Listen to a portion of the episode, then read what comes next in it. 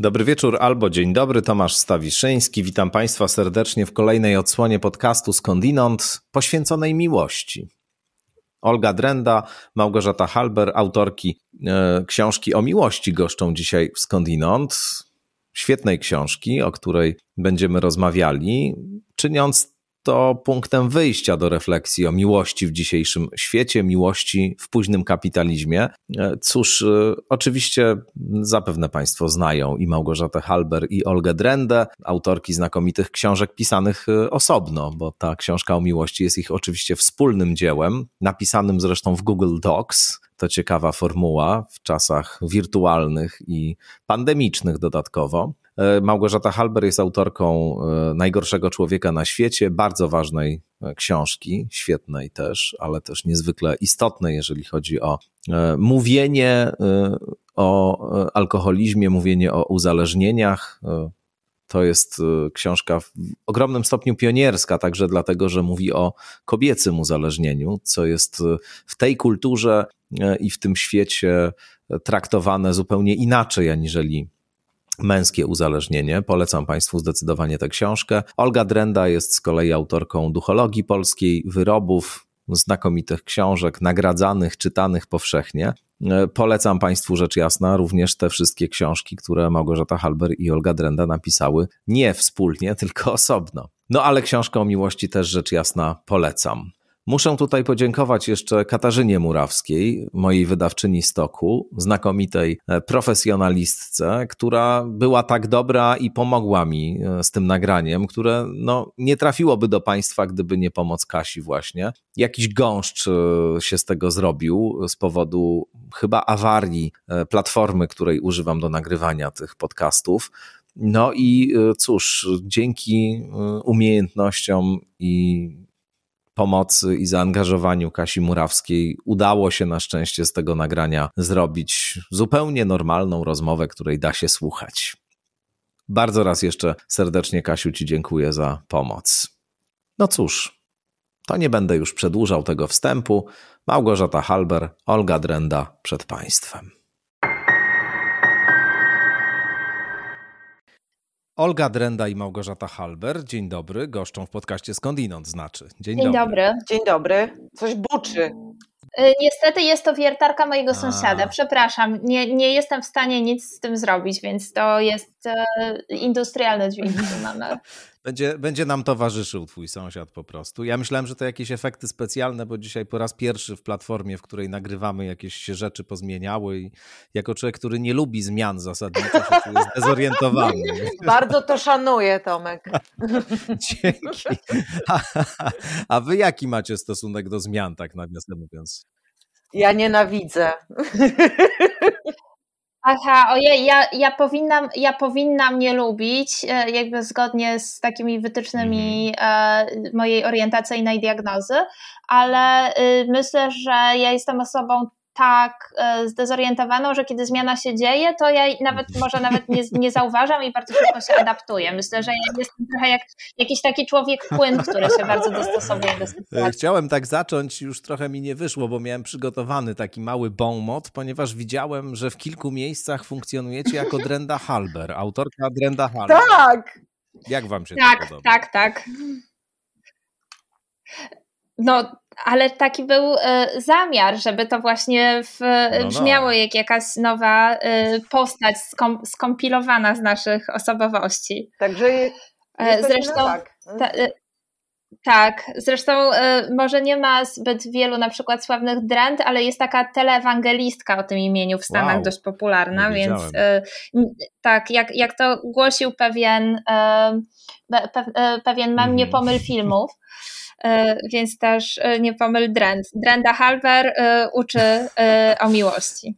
No właśnie, strasznie to jest, tak pomyślałem sobie na początku, kiedy przeczytałem waszą książkę, trudna rzecz, żeby rozmawiać o miłości. W świecie, w którym powstała cała masa mniej lub bardziej banalnych poradników dotyczących miłości i w świecie, w którym strasznie dużo się mówi o zarządzaniu relacjami, o właśnie budowaniu relacji i tak dalej. Wasza książka nie ma z tym na szczęście nic wspólnego, ale zastanawiam się, czy, czy, czy miałyście, zaczynając pracę nad tą książką, takie poczucie, że się mierzycie z jakąś, z jednej strony wielowiekową tradycją piśmiennictwa o miłości traktującego, a z drugiej strony właśnie z tym całym takim bagażem kulturowo-warsztatowo-coachingowym, e, który dzisiaj, e, który dzisiaj na rynku jest dostępny.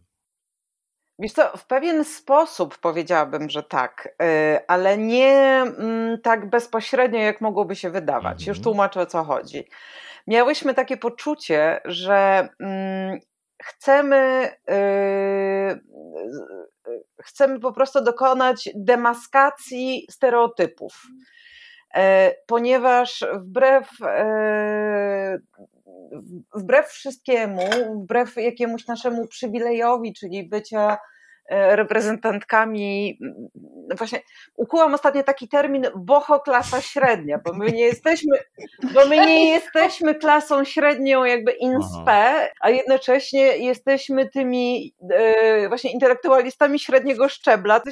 No i w jakiś sposób przynależymy do tej klasy średniej, a jednocześnie nie do końca się z nią identyfikujemy, ponieważ jesteśmy na, e, nawet nie jesteśmy na freelancie właśnie, no już jest nie, to jest nowa, nowa internetowa klasa średnia. No tak, ale ja jednocześnie mam wrażenie, że my mamy tę te, te jakąś taką tęsknotę y, do, że wychodzimy poza ten internet, tak? Że nowa internetowa klasa średnia to raczej mimo wszystko, Olga, myślę, że byliby y, youtuberzy o jakimś takim mhm. wyższym stopniu wykwalifikowania niż y, Jakub Czarodziej. Natomiast, mm, natomiast my mimo wszystko gdzieś tam obracamy się w tym świecie kultury i sztuki. No taka jest prawda.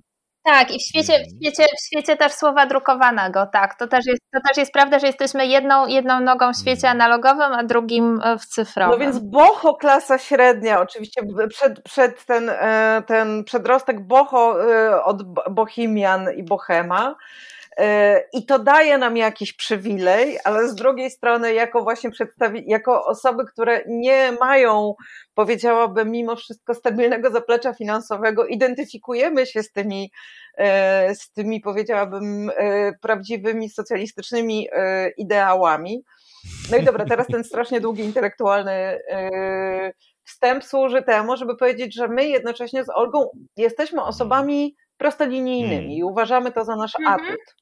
Tak. I w tym całym. Ja zgadzam się z tym w pełni. I w tym całym świecie, yy, znaczy cały świat poradników, i bardzo mi się podoba też sformułowanie zarządzanie relacjami, bo on właśnie. Och, bardzo, tak, ja też je uwielbiam. Bardzo, bardzo pokazuje, jak to kapitalistyczne myślenie po prostu nam się rzutuje na wszystko i wszystko ma być pewnego rodzaju. No właśnie podlegać kontroli i tak dalej. Ojej, tak, tak. To ja tutaj off-topicowo chciałabym bardzo polecić y, myśl profesor Moniki Kostery, która y, się specjalizuje od lat właśnie w zarządzaniu i organizacjach i bardzo ma ciekawe obserwacje właśnie na temat tego, jak ludzie zmieniają się w zasoby. Mhm. No tak, no bo to tutaj jest e, zdecydowanie a propos. Ja tylko dokończcie może, a ja tutaj wrzucę jeszcze, e, tak jak będziemy o tym kapitalizmie rozmawiać, jedną postać. Pojawiła się profesor Monika Kostara. Ja, ja bym chciał jeszcze Ewę Ilus przywołać, e, specjalistkę od miłości i, i pokazać, jak wy pięknie, w jakimś sensie, moim zdaniem, krytycznie i twórczo przetwarzacie to, co późny kapitalizm z miłością zrobił według Ewy Ilus, więc Mam taką małą hipotezę na. Dokładnie to.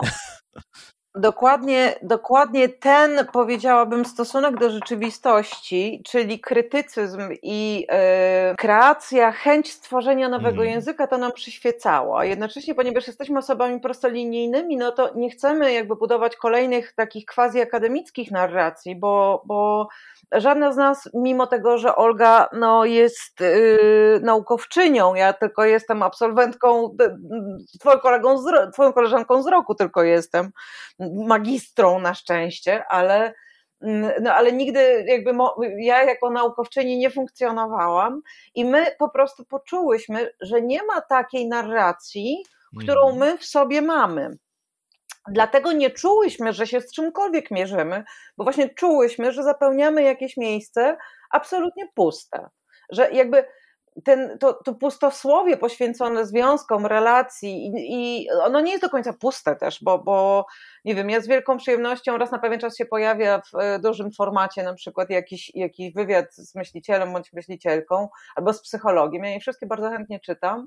Natomiast mam wrażenie, że one jednak teoretyzują, a my chciałyśmy jednak wyjść e, z takiego um, bardzo codziennego doświadczenia i powiedzieć: hola, hola, to w ogóle nie jest tak, jak nam się wmawia. Mhm. Olga? Mhm. Mhm.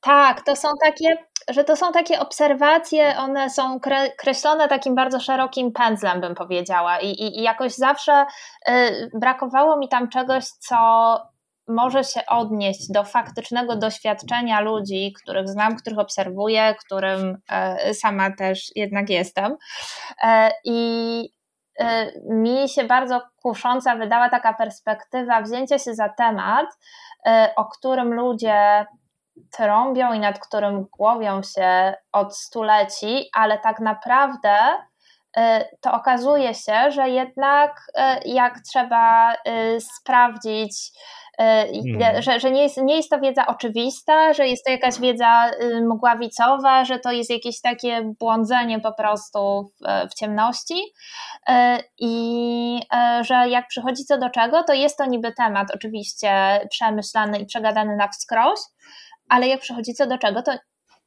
wszystkich hmm. zatyka, nikt nic nie wie, hmm. że są w stanie na przykład wydobyć, wydobyć z siebie może jakieś frazesy. Natomiast jest mm, taka jakaś pokusa porozmawiania y, o konkrecie i też z pewną taką pokorą y, wynikającą z przyznania się, że no nie da się przecież przekroczyć do końca własnej perspektywy, prawda, wejść, wejść w cudze buty, że zawsze będziemy mówić za siebie, mhm. więc uznałyśmy, no to mówmy za siebie, prawda, najlepiej jak potrafimy. Gosia, ty chcesz coś dodać, czy...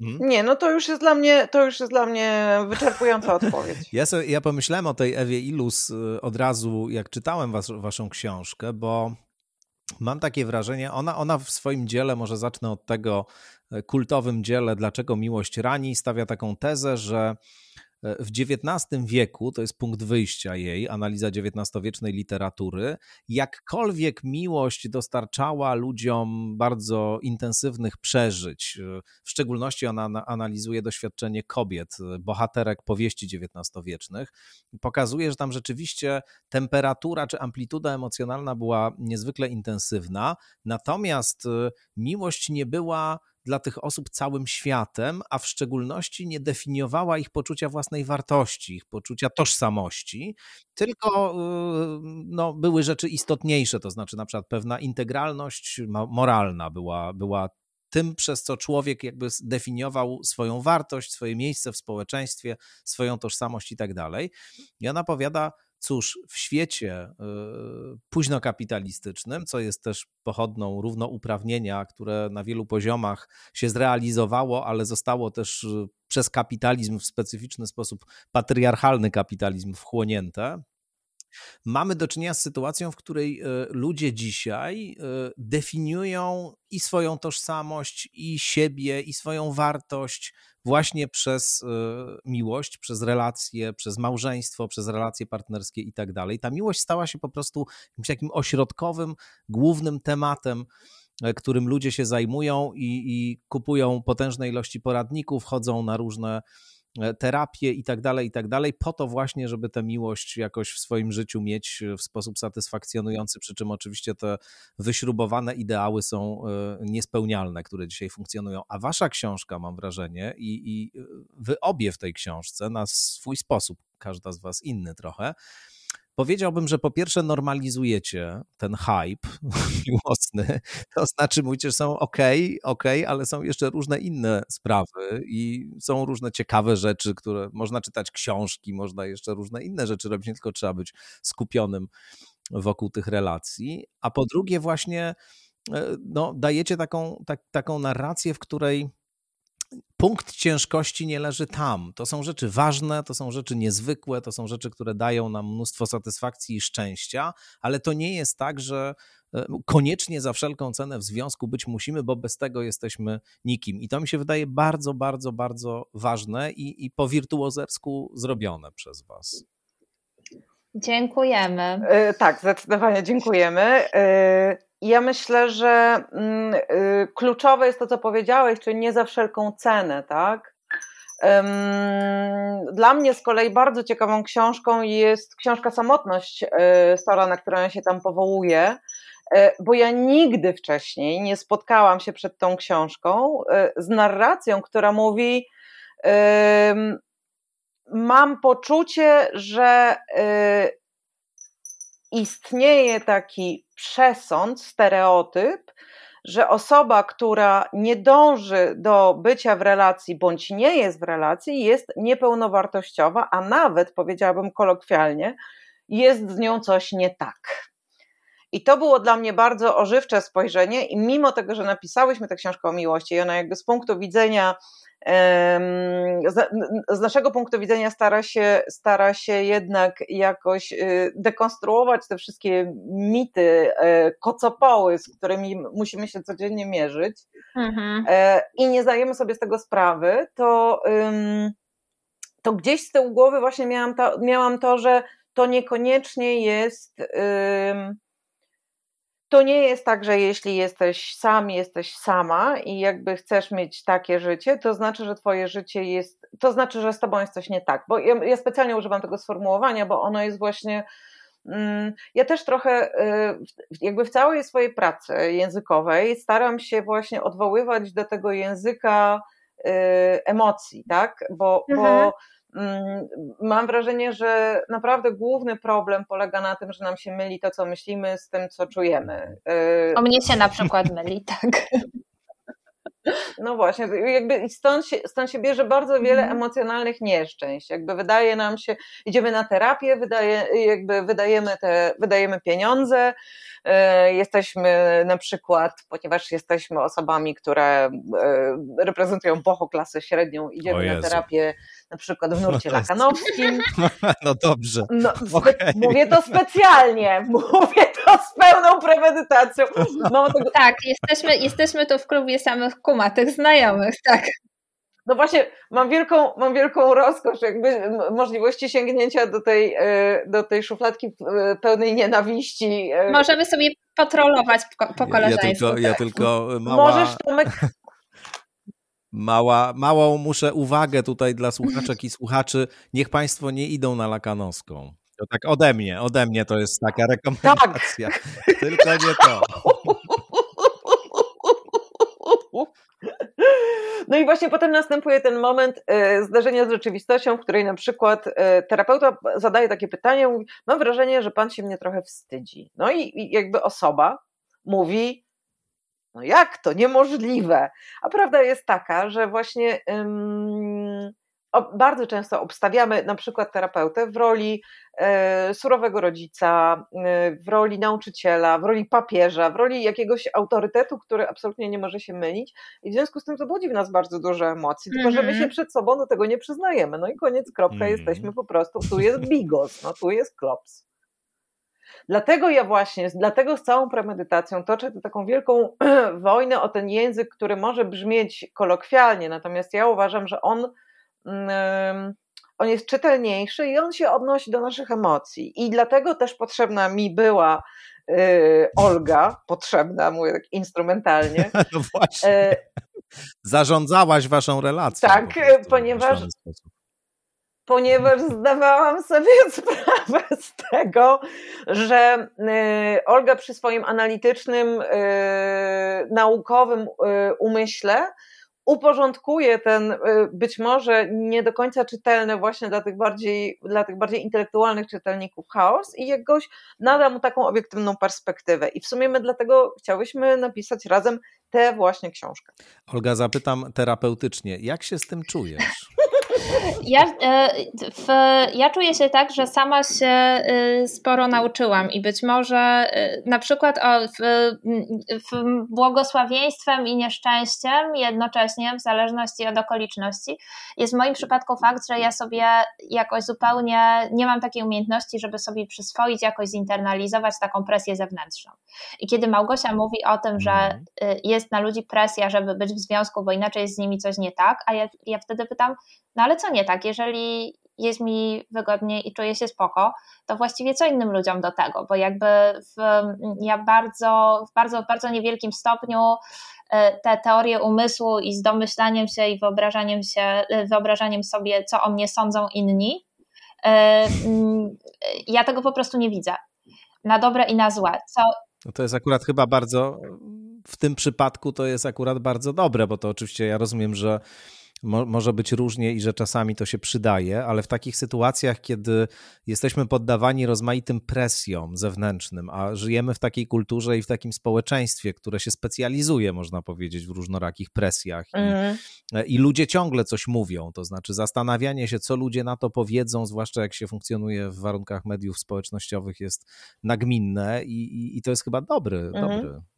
Dobra okoliczność. Nie? Tak, tylko że jakby mm, rewersem tego negatywnym jest to, że ja wpadam e, na pewne rzeczy związane z relacjami międzyludzkimi jakoś 100 lat po prostu po reszcie cywilizacji. I e, właśnie tutaj e, perspektywa Małgosi bardzo e, mi się przydała, żeby na przykład zadać sobie czasami takie pytanie, które wydaje się być może oczywiste, ale ja potrzebowałam bardzo dużo wysiłku, żeby, żeby to pytanie się pojawiło w mojej głowie, ale jak ten ktoś się z tym mógł czuć?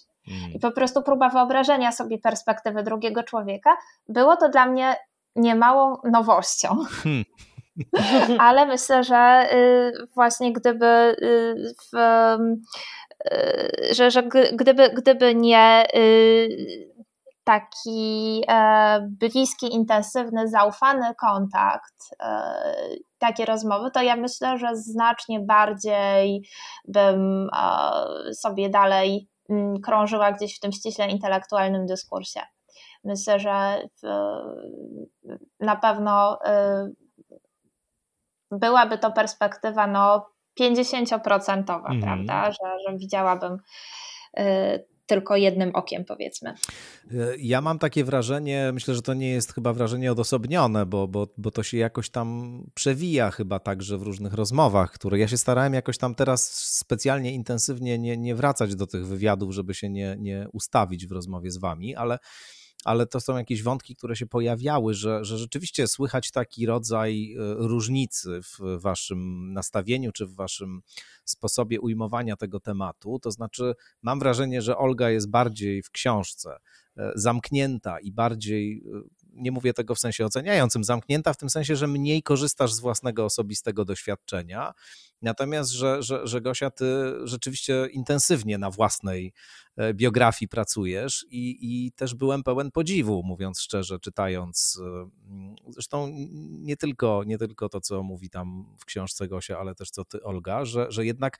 obie, choć mam wrażenie, że z, pewnym, z pewną różnicą, bardzo intensywnie na, na własnym doświadczeniu pracujecie i że to może się wydawać takie proste, oczywiste, że po prostu opowiadamy o różnych wydarzeniach ze swojego życia, ale, ale ja sobie też zdaję sprawę, że to na pewno było trudne doświadczenie i, i taki rodzaj pracy na własnym organizmie nie jest łatwy, zwłaszcza kiedy się to obiektywizuje w książkę, która później idzie w świat, nic już z nią nie można zmienić i tak dalej. Opowiedzcie trochę o tym, powiedziałbym, e, e, używaniu własnych biografii, używaniu własnych, e, własnych doświadczeń?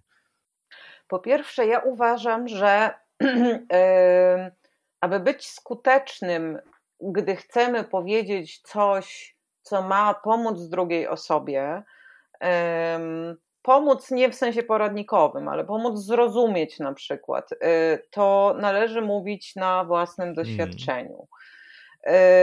Tego nauczyła mnie, to, tego, tak zostałam zindoktrynowana na rozmaitych e, terapiach. Nie lakanowskich, oraz, nie lakanowskich. Nie lakanowskich, zdecydowanie. E, na rozmaitych terapiach, poczynając od e, terapii poznawczo-behawioralnej, czyli terapii uzależnieniowej, przez, przez uczestniczenie w spotkaniach wspólnot dwunastokrokowych. Tam bardzo jasno zakazuje się, i to jest wskazówka terapeutyczna, zakazuje się mówienia my, oni, odnoszenia się do rzeczywistości. Mówi się, mówimy tylko o sobie, o swoim doświadczeniu i o emocjach, jakie to coś w nas budzi. I powiem ci, teraz ci powiem jako mojemu koledze z roku, z filozofii, że to był dla mnie tak zwany po angielsku game changer. Ja, kiedy zdałam sobie z tego sprawę, że takie narracje mnie osobiście zawsze najbardziej przekonywały, tylko żyłam jakby w tym przekonaniu, że właśnie ten, y,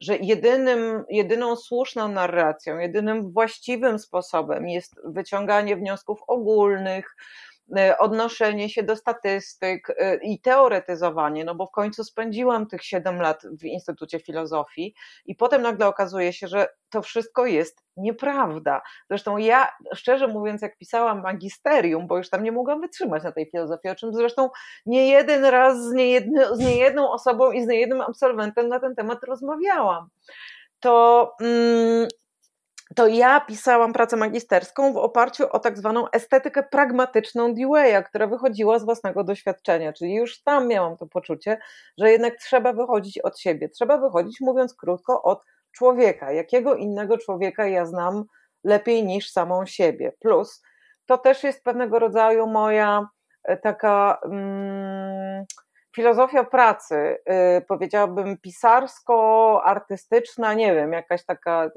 to się jakoś tak nazywa w, w tym korporacyjnym języku. Y, nie chcę teraz. No, nie, nie, no, oni chyba też mówią na to, że to jest jakaś filozofia, ale jeszcze używają jakiegoś innego sformułowania. W każdym razie, w każdym razie ja sama czytam listy i literaturę faktu i jakby nie lubię beletrystyki, nie lubię zmyśleń i mam duży problem z pracami teoretycznymi, lubię eseje. W związku z tym oczywiste dla mnie było to, że jeśli y, ja będę pisać i zacznę pisać, to będę to robić o sobie, dlatego że do mnie taki przekaz najbardziej trafia. Okazuje się, że nie jestem w tym osamotniona. Pomyślałam sobie też, że skoro chcemy pisać esej, to będzie to w pewien sposób wywrotowe, ponieważ no, oczywiście czasy się zmieniają, ale jednak nie da się ukryć, że jesteśmy ukształtowani przez tę patriarchalną kulturę i me, te męskie narracje quasi-naukowe, literackie, one, one stronią od własnego doświadczenia. Myślę, że ze względu na rolę kulturowe mężczyzna nie jest nauczony, żeby mówić o sobie, bo on ma być dzielny, mądry i yy, dużo zarabiać. Tak? Jakby, znowu, to jest ten okropny stereotyp, ta, ta, ten okropny kocopą po prostu, nazywajmy nawet rzeczy bardziej brutalnie, który się nad nami wszystkimi unosi i wcale nie jest tak łatwo z tym walczyć. I stąd moja y, taka, a nie inna, powiedziałabym, ścieżka kariery, która się potem przekłada na, na Słuchaj, twórczość. To, to, ja, to ja cię dopytam jeszcze mhm. i, i, później y, poproszę Olgę o odniesienie się do tego wątku, bo ale to jest akurat ciekawe, bo, bo rzeczywiście u ciebie, Gosia, w tych twoich wypowiedziach też jest po prostu dużo na przykład twoich byłych partnerów, mhm. E, których często, powiedziałbym, opisujesz w taki sposób, no nie to, że tam ich jakoś strasznie przedstawiasz karykaturalnie i tak dalej, ale niektórym się trochę dostaje. E, I zastanawiałem się nad tym, e, czy sobie zadawałaś pytanie właśnie, do jakich granic możesz się posunąć, co możesz powiedzieć, a czego nie. E, I, I czy na przykład konsultowałaś te, te wypowiedzi, czy nie konsultowałaś? Jak, jak na to w ogóle patrzyłaś? Bo, bo to przyznam szczerze, że z jednej strony było bardzo ciekawe intrygujące, bo jest rodzaj takiego e, zainteresowania, które się pojawia naturalnie, kiedy czyta się o czyimś życiu osobistym, zwłaszcza jak tego kogoś się zna. E, natomiast, natomiast przypuszczam, że to są ludzie na przykład dla kręgu bliskich Twoich znajomych jakoś rozpoznawalni, e, no a niektóre kwestie są dosyć intymne, więc powiedz, jak to, jak to wyglądało. Już Ci powiem. E, tak, konsultowałam się, ale nie z nimi osobiście, ale konsultowałam się i tam zresztą w naszym E, w moim wstępie znajdują się podziękowania dla, mm, dla kobiet mm, z tak zwanej grupy wymiankowej, to długa mhm. historia. E, natomiast było to dla mnie takie pole, i to są bardzo różne kobiety. One nie, one nie reprezentują boho klasy średniej, w każdym razie zdecydowanie nie wszystkie. Mm, I my toczymy dyskusje na te tematy, które poruszamy w książce o miłości od ponad roku. I okazuje się, że są takie doświadczenia, które są dla nas bardzo trudne e, i o których nie mówimy z różnych względów, ale to są, uwaga, nasze doświadczenia. Bo mm, przykład, zresztą do którego mam wrażenie, że tam trochę pijesz, yy, przykład bycia w związku yy, bez seksu okazuje się być bardzo powszechnym kobiecym doświadczeniem. No i jakby ja nie mogę te, nie opisać tego mojego doświadczenia, skoro ono moje jest. I tak naprawdę, ja to, wiesz co, ja to konsultowałam z moją terapeutką. E, w sensie, bo ona jest osobą, która w sposób bardzo stanowczy mówi o tym, czy ja przekraczam jakieś granice, czy ja nie przekraczam jakichś granic. I ona jasno mi powiedziała: No nie, ty piszesz o sobie, ty piszesz o swoim doświadczeniu, tak? Jakby tutaj to się y, znajduje. Ym, wiesz, ja tych partnerów, teraz, tych partner, teraz woda na młyn y, tradycjonalistów, ja ich ja ich trochę miałam, w związku z tym można tam pożonglować. To nie jest, nie jest trochę tak, że ja, y, że ja mówię, że to y, był A, a to był Z i, y, i jakby wskazuję. Natomiast faktycznie mówię o tym, tak? Byłam w związku, w którym nie było seksu, byłam w związku, który był związkiem przemocowym.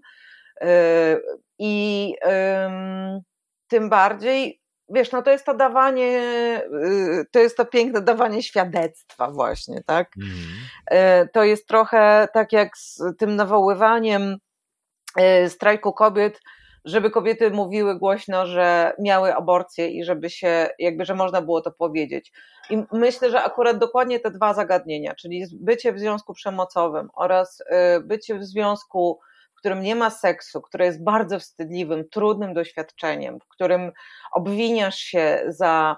A no, jeszcze jakby wiesz, gdyby tam był jakiś dialog, gdyby tam było jakieś porozumienie, to, yy, to ja bym oczywiście tego nie, yy, nie poruszała, ale właśnie tam tego nie było. Yy, I stąd y, taka, a nie inna decyzja, żeby o tym opowiedzieć.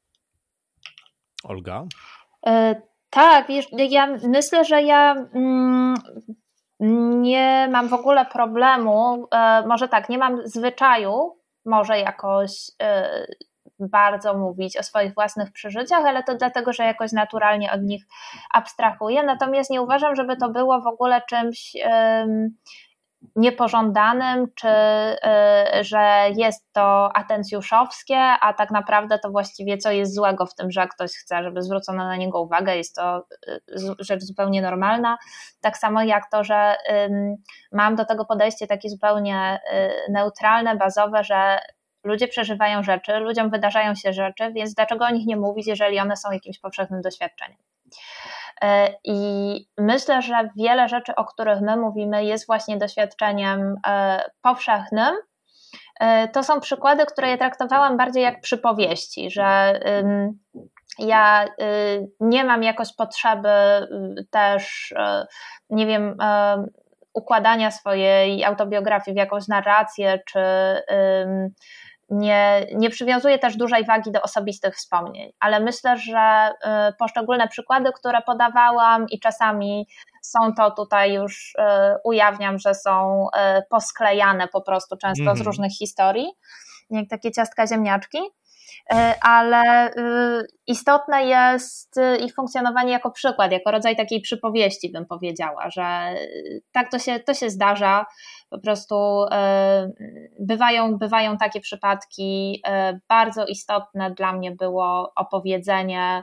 Mm, I tutaj też e, zupełnie nie traktowałam tego w żaden katartyczny sposób, bo też akurat to dla mnie, dla mnie nie ma takiego znaczenia, natomiast opowiedzenie o tym, na czym polega kontakt E, z przemocą psychiczną, niestety bardzo bliski i drastyczny. E, to był dla mnie bardzo ważny moment w ogóle w pisaniu tej książki. Mm. Przede wszystkim dlatego, że mm, czułam się też odpowiedzialna za to, że skoro znam te mechanizmy, to tym bardziej warto je wyciągnąć na światło dzienne, bo jak się okazuje potem, zdarzyło mi się, że napisałam takiego posta na Facebooku właśnie Mm, dotyczącego y, jakichś typowych y, scenariuszy związanych właśnie y, z człowiekiem mający, mającym tendencję do stosowania przemocy Pamiętam ten post, Mo tak. mocny post. Pod nim, post. pod nim no. pojawiło się kilkadziesiąt wypowiedzi poświadczających, że ci ludzie jakby wychodzili z jednej fabryki. I to dla mhm. mnie świadczy o tym, że o takich rzeczach absolutnie trzeba mówić, wszystko jedno, czy ktoś woli to przedstawić jako osobiste wyznanie, czy w bardziej wyabstrahowany sposób jak ja, ale mm, informacyjna i ostrzegawcza wartość takich treści, y, to jest dla mnie, no grzechem byłoby o tym nie opowiedzieć. Hmm. No to jest w ogóle chyba jakiś y, taki wątek, nie wiem czy wątek to jest dobre słowo, jakaś cecha tej waszej opowieści, że tutaj wiele takich obszarów trudnych, niełatwych, takich, o których się zazwyczaj w sposób y, otwarty nie rozmawia, się pojawia i, i, i że właśnie ten rodzaj takiego wydobywania na powierzchnię rzeczy, które bardzo często gdzieś są przykryte albo enigmatycznie, aluzyjnie obsługiwane w jakichś e, rozmowach, albo, e, albo o których właściwie się nie rozmawia za bardzo, to jest wszystko tutaj bardzo gruntownie opowiedziane, ponazywane i zdekonstruowane. Mówię o, nie wiem, takich e, rozdziałach jak ten o zdradzie, jak ten o seksie. Mhm. Nawiasem mówiąc, polski język nie jest najbardziej fortunnym językiem do rozmawiania o sprawach seksu, jak wszyscy Ale ja chciałabym wiedzieć, Ale... ja chciałabym wiedzieć, co y, w innych krajach się mówi, bo być może, w, być, być może użytkownicy innych języków mówią to samo i, i narzekają, tak a, a, myślą sobie, ojej, jaki ten, jaki ten polski jest fajny i zabawny, że istnieje w nim no na przykład słowo kuciapka. Tak, kuciapka jest super, ale ja naprawdę jestem pod wielkim wrażeniem takiego sformułowania, które jakoś mi się wryło w głowę, mówiąc szczerze, które w pewnym momencie w rozdziale o seksie właśnie mhm. E, Olga e, wprowadza, mianowicie nie tam partner seksualny, w ogóle to jakoś dziwnie mhm. brzmi partner mhm. seksualny, łóżkowy towarzysz. Łóżkowy towarzysz. To jest naprawdę super. No. Dziękuję. Dziękuję. Też wprowadza zarazem coś takiego, powiedziałbym, swojskiego, ale wcale nie mało ekscytującego przez to, bo jest... Kamrat. Tak, to jest... No, zastanówmy się właśnie tak, na przykład kamrat, prawda? Kamrat. Też może być. Tak. Dokładnie. Nie wiem, czy to już takie nie za bardzo wystylizowane tak naprawdę. Natomiast łóżkowy towarzysz też zakłada, że nie jesteśmy jakimś e, przedmiotem, tak. e, podmiotem, nie, nie daje, to jest jakby to jest to rozwinięcie tej, tej spółdzielni. Tak, to, to jest trochę tak jak e, Stachura mówił, że przyjaciel to jest ktoś, kto jest przy ciele. A no właśnie, no. tak, bardzo dobre, tak. Tak, no ale właśnie widzisz to, to, co zacząłeś mówić, e, to jest odpowiedź na twoje pierwsze pytanie, dlaczego postanowiłyśmy napisać tę książkę? No właśnie dlatego, że miałyśmy wrażenie, że te wszystkie rzeczy są gdzieś tam w ukrytej E, w ukrytej sferze. Jakby dla mnie, jakbym miała jakieś takie motto tutaj wykuć, to, to jest jakby to jest ten taki, mm, taka moja wewnętrzna potrzeba jakby i taka, taka e, tęsknota za tym, żeby ludzie mówili, o co się kłócą, kiedy są ze sobą w związkach. Mm -hmm bo to jest znowu coś, co, co pozostaje w jakiejś takiej szarej yy, sferze. No i jakby. No właśnie, i, tak. I dlatego jakby starałyśmy się zdekonstruować no tyle, ile byłyśmy w stanie tak naprawdę. To było naprawdę trudne zadanie, no bo gdzieś tam z tyłu głowy cały czas miałam takie poczucie, że my nie piszemy 50-tomowej encyklopedii. Jak kończyłyśmy pisać książkę, miałam takie wrażenie, ojej, to jest takie powierzchowne i w sumie mm, powinnyśmy przecież to wszystko porozwijać, no ale to jest to jest niemożliwe. Mm. E, a z drugiej strony też miałam to właśnie poczucie tego przywileju i tego, że no dobra, jesteśmy dwoma białymi, bezdzietnymi, heteroseksualnymi kobietami, jakby co z całym doświadczeniem, e, do którego nie mamy dostępu. Tak, mamy pewien luksus czasu na myślenie, a z kolei innego rodzaju doświadczeń, no nie tego, tego luksusu tej wiedzy nie mamy, tylko z drugiej ręki. Mm-hmm. E, a powiedzcie e, trochę, e, jak ta książka, bo, bo teraz o tym właśnie pomyślałem, miałem to na sam koniec zadać to pytanie, ale, ale jakoś teraz jednak pomyślałem, że je zadam, bo, bo to ciekawe i jakoś się łączy z tym, o czym rozmawiamy. Na ile ta książka wobec tego dla Was samych była, nie chcę powiedzieć, że rodzajem autoterapii, ale czegoś, co pozwala pewne rzeczy uporządkować, nazwać, spojrzeć na nie z jakiejś perspektywy trochę zewnętrznej, właśnie, samo uruchomienie języka i stworzenie jakiejś takiej spójnej opowieści o swoim doświadczeniu, jak wiadomo, z mm, tradycji e, terapeutycznej działa leczniczo, nawet niezależnie od tego, jaka ta opowieść będzie, no chyba, że lakanowska, no to wtedy trochę inaczej, ale, ale poza tym to tak mniej więcej jak się zrobi opowieść, to ona może działać leczniczo. E, I, e, i, I, powiedzcie, na ile to, to było coś takiego, co, co was zmieniło. I wyobrażam sobie, że też pewnie później interakcje z ludźmi. Wiem, że ta książka bardzo głęboko jakoś na ludzi oddziałuje i że jest dla wielu osób, i wcale nie tylko dla e, kobiet, bynajmniej, dla mhm. wielu mężczyzn tak samo, Mhm. jakimś bardzo istotnym e, lekturowym, psychologicznym, nawet egzystencjalnym doświadczeniem, który też pozwala czasami spojrzeć na pewne rzeczy właśnie nie z takiej męskiej typowo perspektywy, z której mimo równouprawnień i emancypacji i tak bardzo często patrzymy, tylko właśnie pozwala na to, żeby zobaczyć jakby zupełnie inną perspektywę od własnej, co mi się wydaje też bardzo, bardzo ważne. Ale słowem, e, reasumuję pytanie, jak was to zmieniło i jak e, może zmieniają was e, reakcje na tę książkę, rozmowy, które po jej publikacji odbyłyście? Olga. Ja myślę, że na pewno pierwsza myśl, która mi przyszła do głowy, to jest, że praca nad tą książką na pewno pozwoliła mi lepiej i sprawniej e, przetrwać ten mhm. pierwszy lockdown, dlatego że my, e, książka przede wszystkim powstawała wtedy e, i to była naprawdę taka bardzo uporządkowana, intensywna praca, że codziennie pisałyśmy i konsultowałyśmy się ze sobą.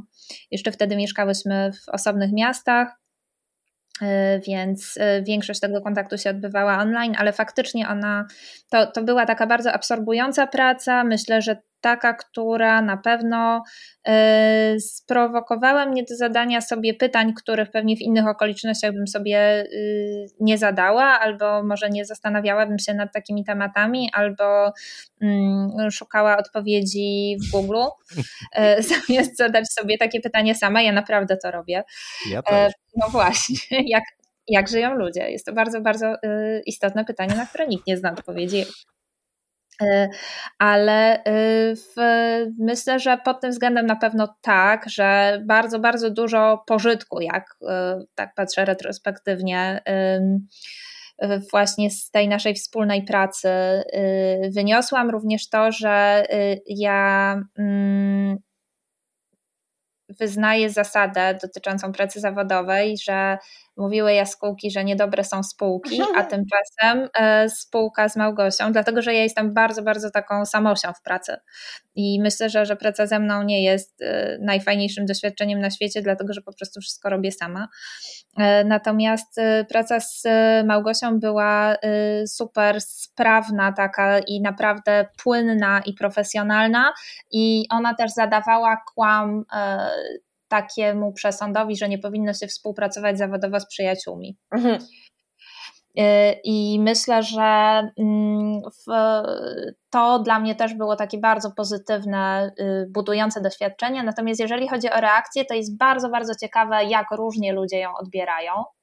Y, i że to mogą być y, absolutnie, y, że odbiór tej samej treści może być skrajnie różny, to znaczy, że dla niektórych ona jest zbyt kolokwialna, a dla niektórych z kolei jest zbyt intelektualna, że okazało się, że niektóre osoby błędnie doszukiwały się w niej poradnika, pomimo tego, że staramy się bardzo jasno powiedzieć, że to nie jest poradnik, ale widocznie jest jakieś zapotrzebowanie po prostu wśród ludzi na to, żeby mieć e, kawę na ławę i, i że szukają porady.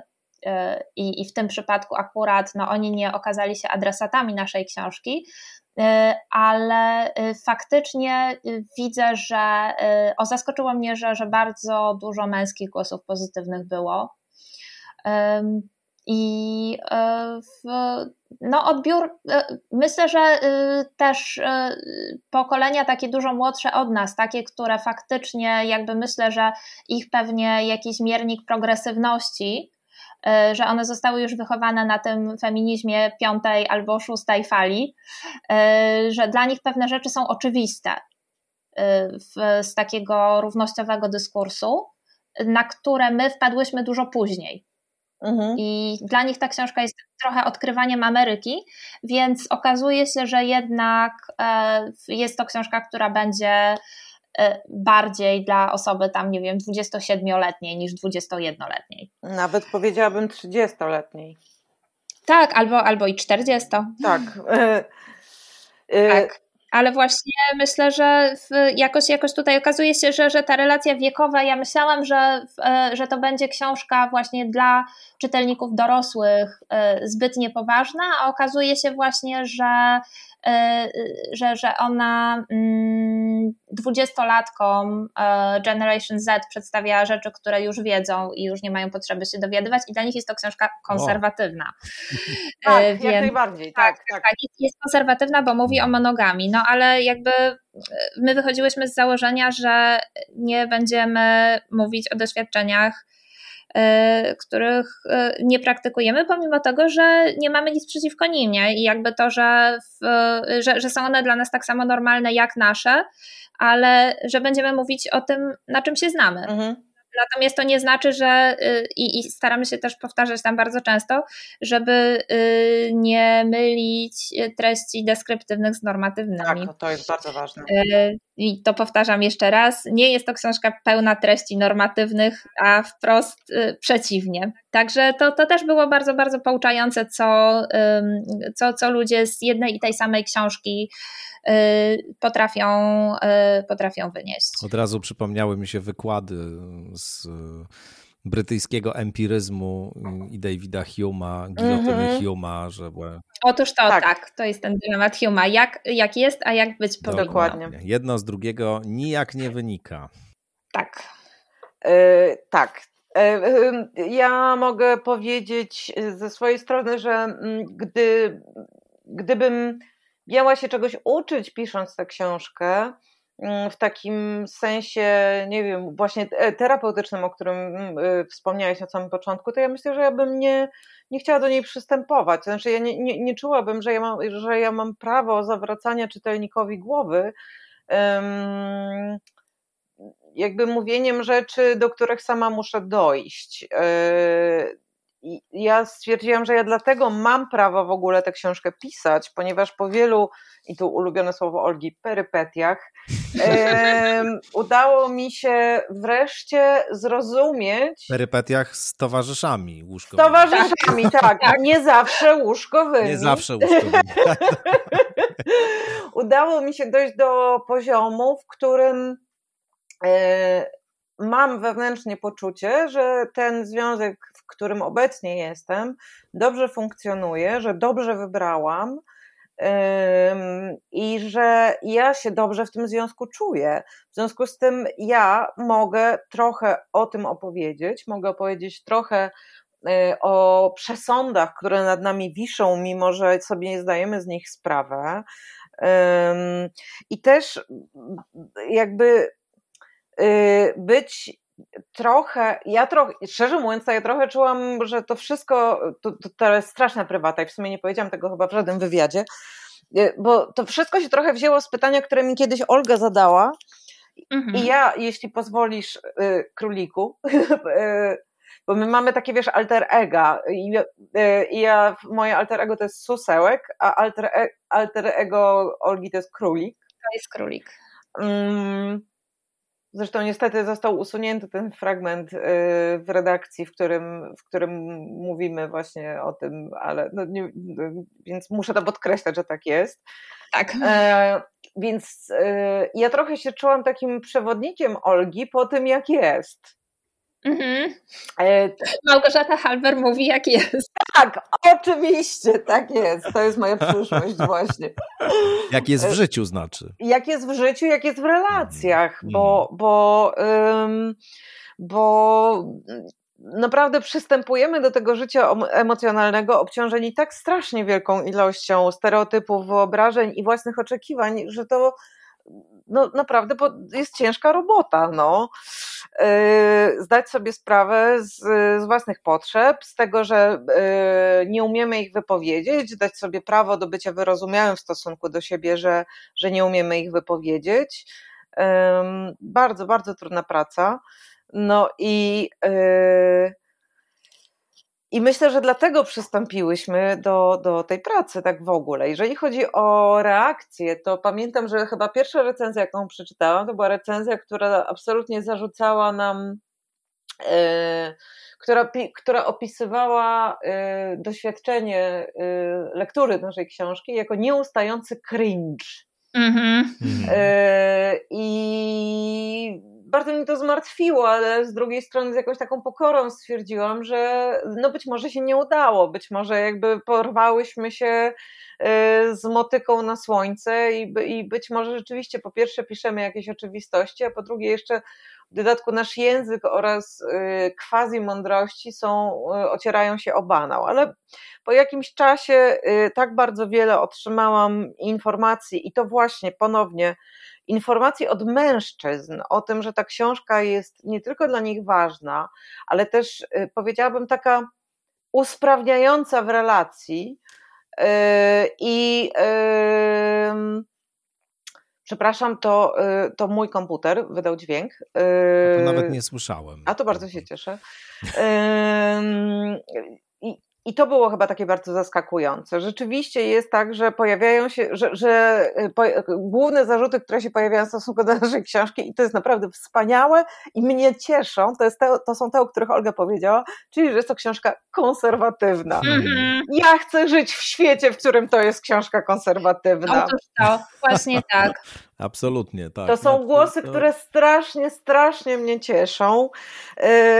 Też jakoś zmartwiła mnie ta, bo rozdział, z którym rzeczywiście ja miałam jakiś taki problem, a z drugiej strony czułam, że to jest bardzo ważne, żeby on się tam znalazł. I to się, to się wydarzyło przed, przed, tym, przed tą Polską, powiedziałabym, przedczerwcową, w której nagle pojawia się karta rodziny w jej konsekwencji nagonka o osoby nieheteronormatywne i, i nagle żyjemy tutaj, gdzie żyjemy w lutym 2021 roku.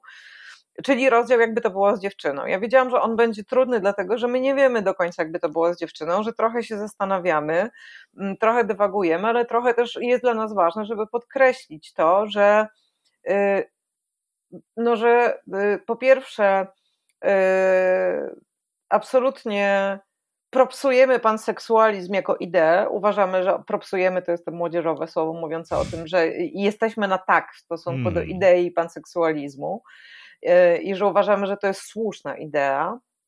E, no a po drugie, jednak opisujemy jakieś takie swoje doświadczenia, e, czy to mniej czy bardziej platoniczne, trochę pokazując, że one też właśnie się zdarzają. Także ten rozdział był dla mnie trudny do pisania, ja się bałam jego odbioru i rzeczywiście nie wszyscy są, powiedziałabym, super entuzjastycznie, eufemistycznie mówiąc, super entuzjastycznie nastawieni do tego rozdziału. Natomiast, co ważne, konsultowałyśmy ten rozdział y, z naszymi nieheteronormatywnymi koleżankami, y, i to było, to było niezwykle ważne dla mnie, żeby, tak. żeby to z nimi skonsultować. Dokonałyśmy takiego głośnego czytania. Mm, I tam były zarówno osoby identyfikujące się jako osoby homoseksualne, osoby na spektrum e, i osoby biseksualne. E, I to, i one były na tak. W związku z tym, jakby to, miał, jakby tutaj konsultacja była, próbowałam też konsultować rozdział o świszczypałach e, ze świszczypałami, ale cóż oni byli... Za, cóż to za słowo wspaniałe jest. Oni to też, Olga, no, redaktor Drenda naprawdę... Dziękuję, dziękuję. Ja się, ja się trochę cieszę, bo Olga funkcjonuje jako, jako naukowczyni, która bada zjawiska, natomiast... Yy, osoby, które lepiej ją znają, wiedzą, że ona ma niezwykły literacki dar i ja się cieszę, że ta książka mogła być jakby tym polem, w którym Olga co chwila y, wyjmowała yy, niczym króliki z kapelusza, wyjmowała jakieś takie wspaniałe sformułowania, które... Pojęciowych towarzyszy. Tak, jak najbardziej. Na to, na to, na to pozwala esej właśnie. To jest to jest wielka zaleta eseju. No, Ale ja to, myślę, przepraszam, ja... nie chcę tutaj, y, znaczy mnie się wydaje, że ta książka jest napisana fantastycznie przez przez was dwoje, no, przez was dwie, to znaczy tak należałoby chyba powiedzieć, bo, bo ona, ona jest napisana tak, Każda z was ma zupełnie prawda. inny styl, ale, ale te style się tak naprawdę świetnie Bardzo dziękujemy, to jest bardzo, jesteś bardzo łaskawy.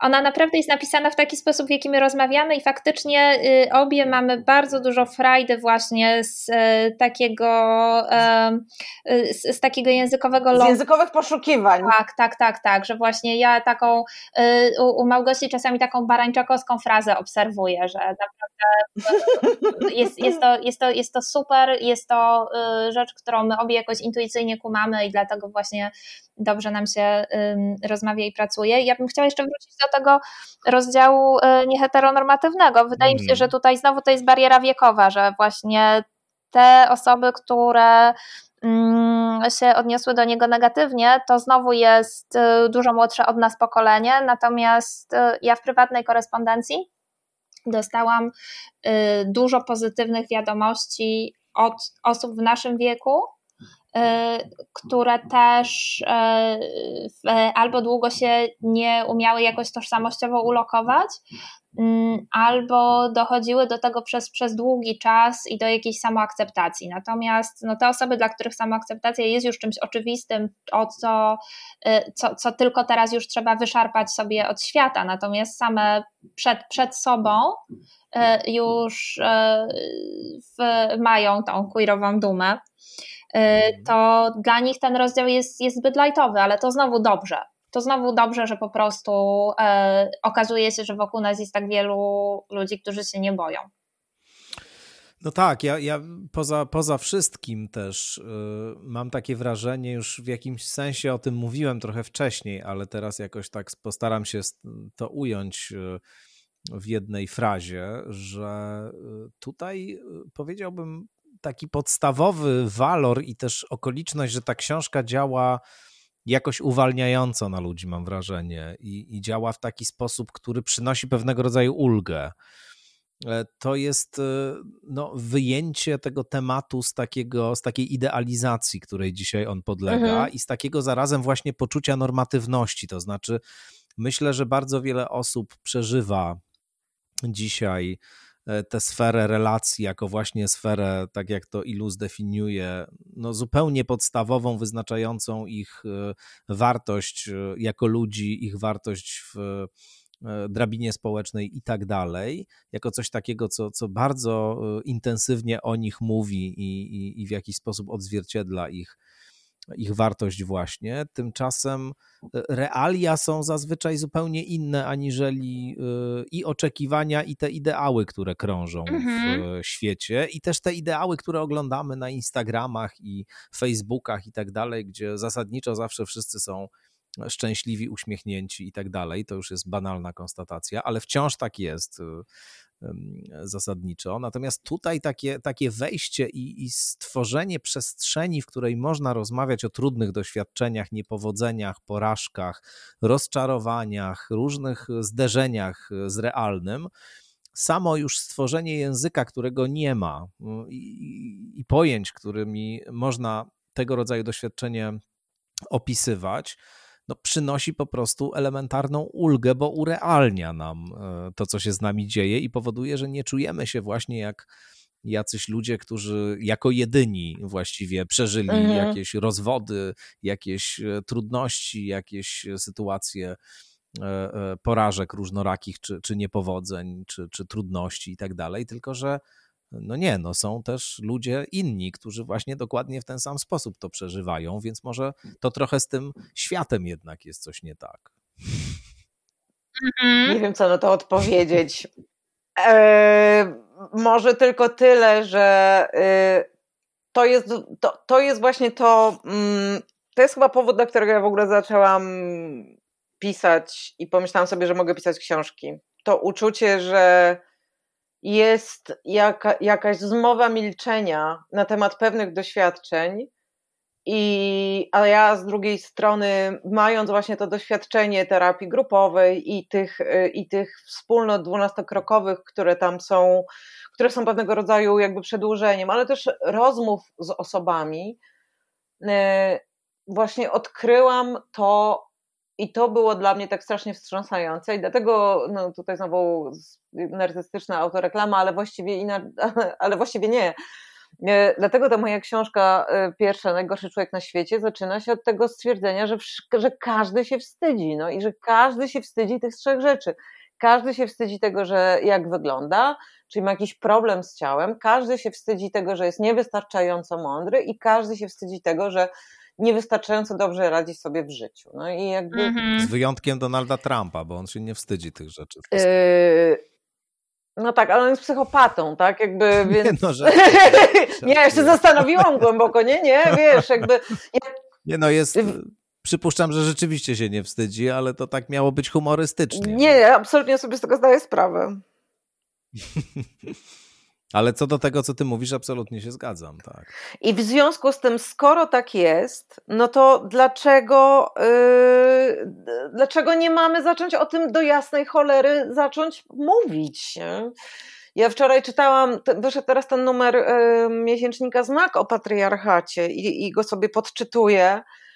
Yy, I przeczytałam tę taką teorię, że ja to jestem jeszcze, muszę ją sobie tak trochę przedrenować w środku, ale że to właśnie, że to patriarchat właśnie jest winien, że to patriarchat, ale to już patriarchalny kapitalizm z kolei, jakby nie ceni, w ogóle jakby chce wyrugować wszelkiego rodzaju y, słabość i coś, co nazwałabym niedumą, mhm. y, z, z, naszego, i, i z naszego dyskursu. No. No więc do roboty.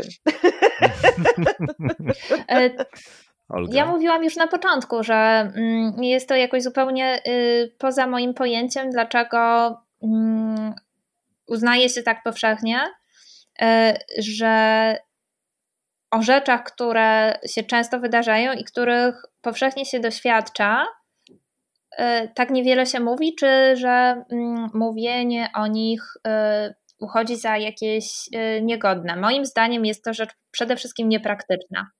Jest to rzecz przede wszystkim niepraktyczna, dlatego że. Kocham cię. Czy mogę teraz powiedzieć, że cię kocham? No, to jest, ale to jest właśnie ten, to jest po prostu ten absolutny głos rozsądku ubrany we wspaniały język z, z rodem z lat 50. i 60. Ten, I jakby to jest dokładnie ten sposób pojmowania świata, który jest mi niezwykle bliski, a jednocześnie ja się bardzo cieszę, ponieważ Olga, kiedy wygłasza te wszystkie sądy, ma w głosie niezwykłą stanowczość, która mnie samą mobilizuje do tego, żeby pomyśleć, kurczę, no tak właśnie jest. No. Stanowczość oraz właśnie poczucie oczywistości. Tak, dokładnie. Jest oczywiste. Dokładnie. No bo jest, no bo w sumie jest. Jestem tak wzruszona, że już nie wiem, co mogę dodać. Jak to było, że jestem wzruszony, jakbym. Jakbym wypił słodki grusz. No właśnie. No właśnie. A powiedzcie wobec tego y, pod koniec jeszcze.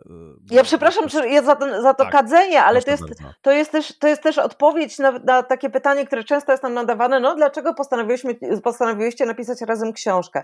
No ja właśnie hmm. dlatego, jakby, jakby naprawdę z autentycznej umys y, uwielbienia umysłowości Olgi Drendy bardzo pragnęłam napisać z nią książkę.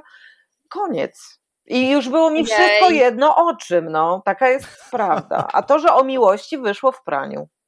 Naprawdę chciałyśmy razem napisać książkę, tak. Wiedziałyśmy, że, yy, że, że na pewno yy, że, że, że się dogadamy. I że będzie to prostu... wspaniała przygoda.